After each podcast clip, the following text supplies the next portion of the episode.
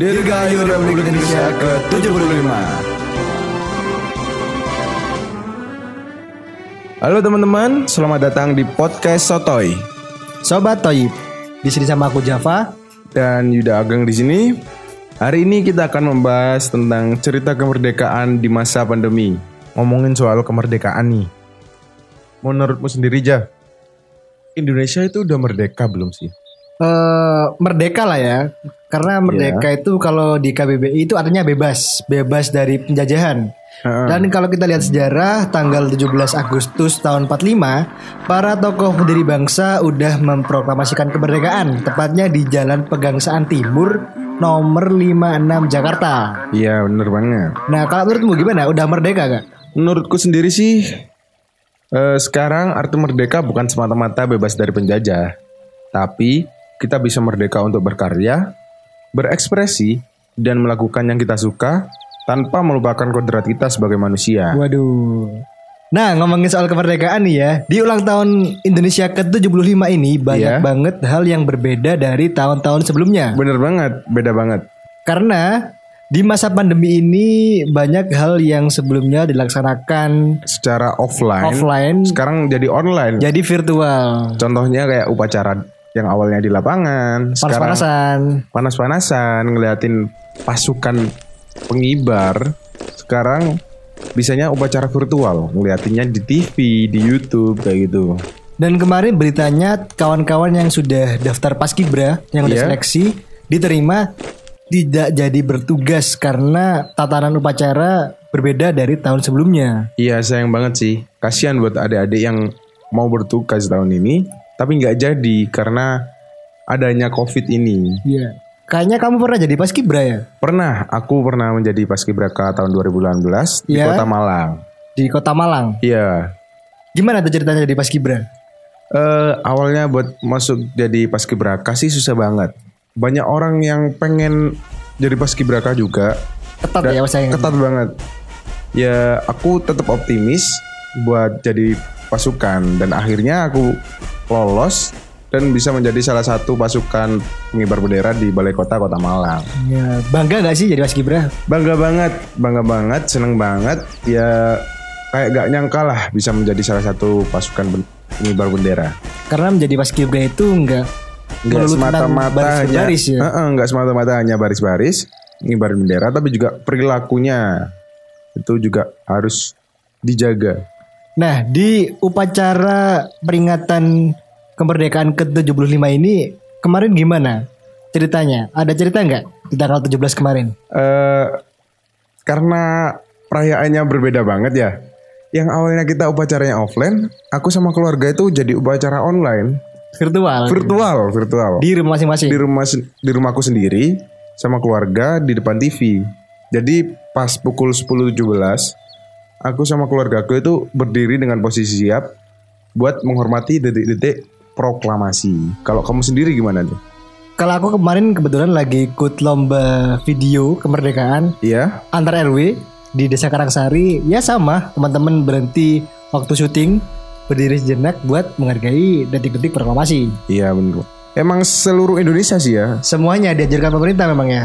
Jam 10 lebih 17 waktu Indonesia Barat. Iya. Nah, di ulang tahun ke-75 ini selain upacara yang virtual banyak sekali kegiatan rutin yang dilaksanakan untuk merayakan kemerdekaan di tahun-tahun sebelumnya di tahun ini harus terpending atau Bener. mungkin tidak dilaksanakan nih Ditiadakan sih. ditiadakan Iya, yang kayak lomba tradisional kayak makan kerupuk, panjat pinang balap karung itu kan udah gak ada, bukan udah gak ada, lagi gak ada karena corona. Iya karena memang nggak bisa ketemu, tidak bisa mengumpulkan massa, harus jaga jarak, jadi nggak bisa di tahun ini. Itu hal yang sangat dikangen, dikangenin gak sih? Iya karena biasanya tiap RW, tiap kampung, tiap desa itu pasti ada lomba itu Iya. di balai desa biasanya, di- atau Iya. mungkin di lapangan gitu ya. Mm-mm. Orang-orang itu kayak nunggu-nunggu lomba itu buat dapetin hadiah kan? Iya pasti dong. Heeh, Door apalagi- prize, Panjat pinang tuh. Iya. Panjat pinang kan hadiahnya banyak banget. sepeda kadangnya. Sepeda, ada yang TV gitu-gitu kan. Biasanya juga yang dirinduin itu karnaval, Karnaval. karnaval. sama gerak jalan apa PBB ya, Iya, baris PBB. berbaris ya itu. Ya sayangnya sekarang gak ada sih. Soalnya kan gak boleh kumpul-kumpul Iya. kita. Gak mungkin juga mau karnaval jaga jarak ya. Iya, gak mungkin juga sih. Harus jarak 2 meter, 1 meter. Gak mungkin bisa juga. Nah. Dan biasanya kan di Lumajang sendiri, di kota kita nih, eh, pas mau malam 17-an, itu kan ada yang namanya malam tirakatan. Atau yang Ba- biasa... bari- barian. Iya, yang Barian. biasa disebut di Lumajang itu barian. Iya. Sekarang sih eh, bukan jarang ya, cuma beberapa aja yang emang wilayahnya udah Ah.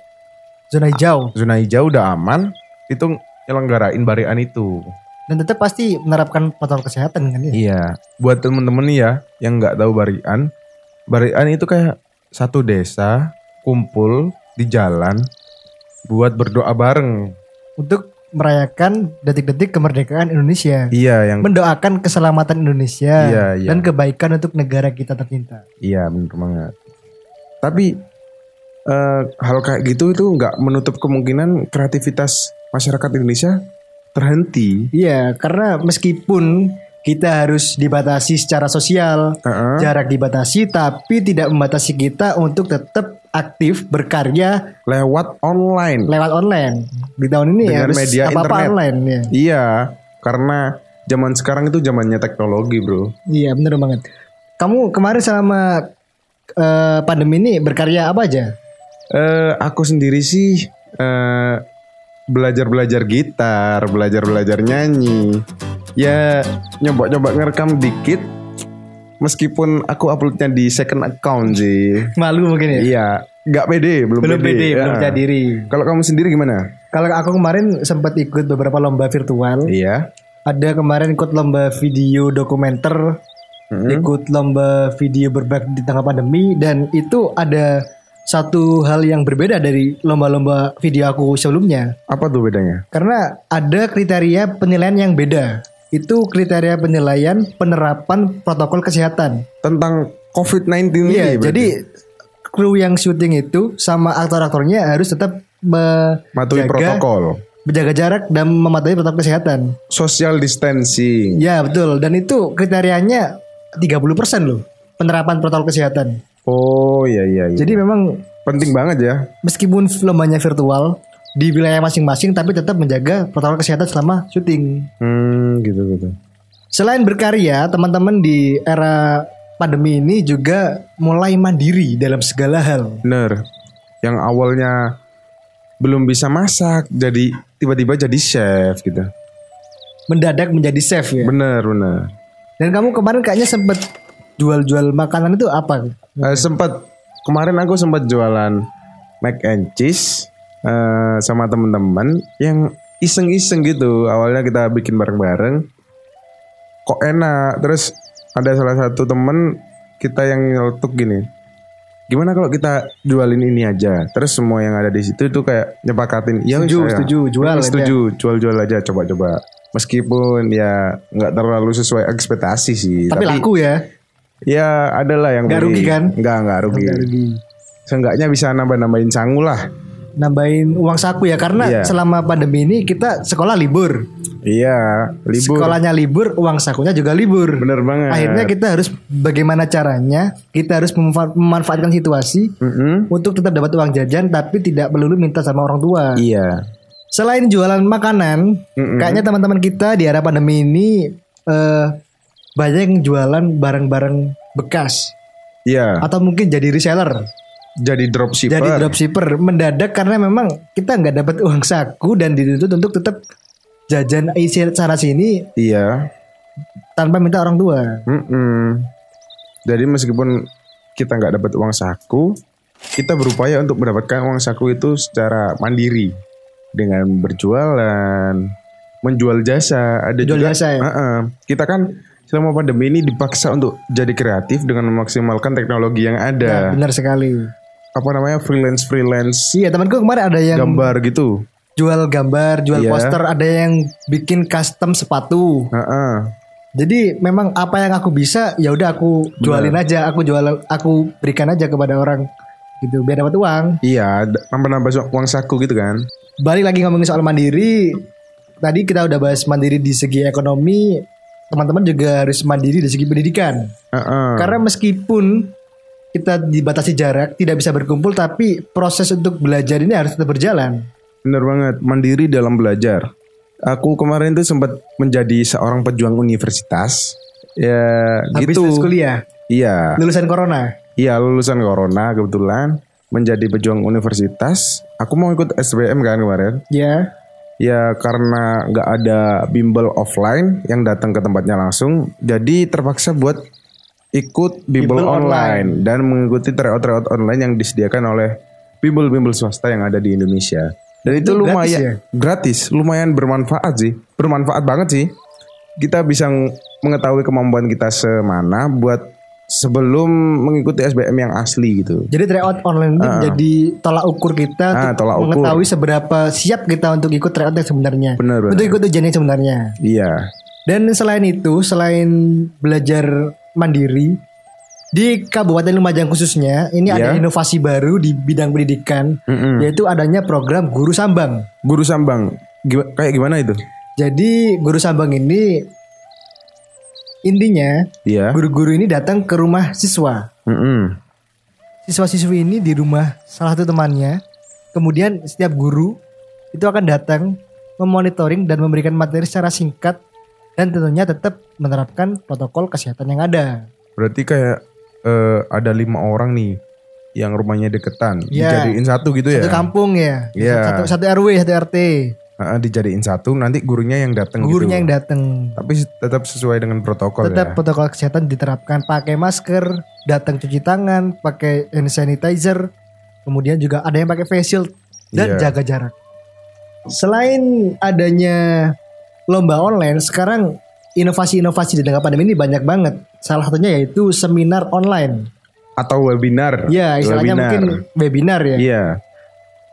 Dan webinar ini sangat memudahkan kita karena kita tidak perlu datang ke suatu tempat, tidak perlu bayar untuk beli tiket, datang registrasi, tapi kita cukup datang di rumah, buka laptop, daftar, bisa ikut seminar dan dapat sertifikat. Bener banget. Tentunya dapat ilmu yang Penting. bermanfaat. Mm-mm.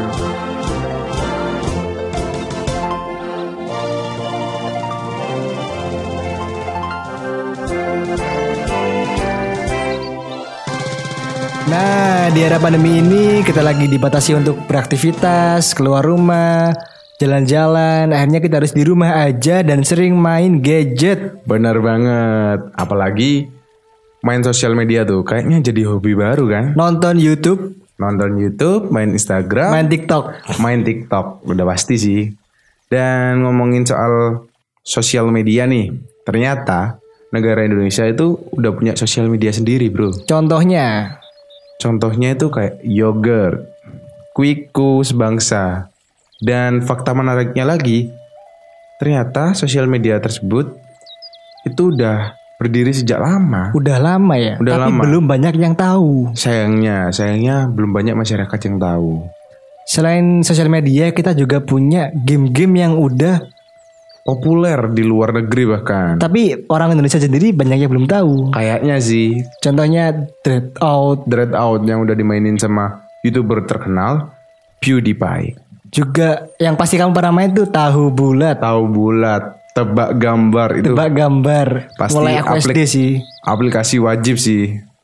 Di ulang tahun Indonesia ke-75 ini saatnya Indonesia bangkit, saatnya kita mensupport platform-platform milik Indonesia. Bener banget. Game-game milik Indonesia, gak hanya kita support Fashion, fashion sepatu baju, local pride, kita juga harus mensupport teknologi yang udah dikembangkan media oleh informasi bener, yang udah dikembangkan oleh anak bangsa. saatnya kita punya platform yang go internasional tentunya buat go internasional perlu didukung oleh seluruh stakeholder ya Bener, oleh masyarakat harus didukung penuh dengan cara salah satunya kalau di sosial media itu membuat akun dan meramaikan sosial media tersebut. mumpung lagi pandemi Bener banget, mumpung lagi hobi main sosial media nih. mumpung lagi gadgetan terus ya Ah, Oke, kita udah ada di penghujung podcast. Pesan kami buat teman-teman semua, ayo kita bareng-bareng berkarya, ayo bareng-bareng kita berinovasi membuat sesuatu yang mandiri karya anak bangsa. bener banget, apalagi sekarang zamannya teknologi masih kurang tuh inovasi kita di dalam bidang teknologi. Kalau kata Panji Pragiwaksono, kuncinya kita berkarya aja dulu, lalu bikin yang lebih baik kemudian. Bener banget. Oh iya, ada sedikit kata-kata nih dari aku buat para pemuda Indonesia. Kurangilah keluhmu, perbanyak aksimu. Asahlah dirimu, perbaiki kualitasmu. Kembangkan potensimu demi membangun Indonesia maju. Luar biasa. Akhir kata dari kita, Dirgahayu Republik Indonesia ke-75. Terima kasih, aku Java. dan aku Yuda. Sampai jumpa di podcast kami selanjutnya.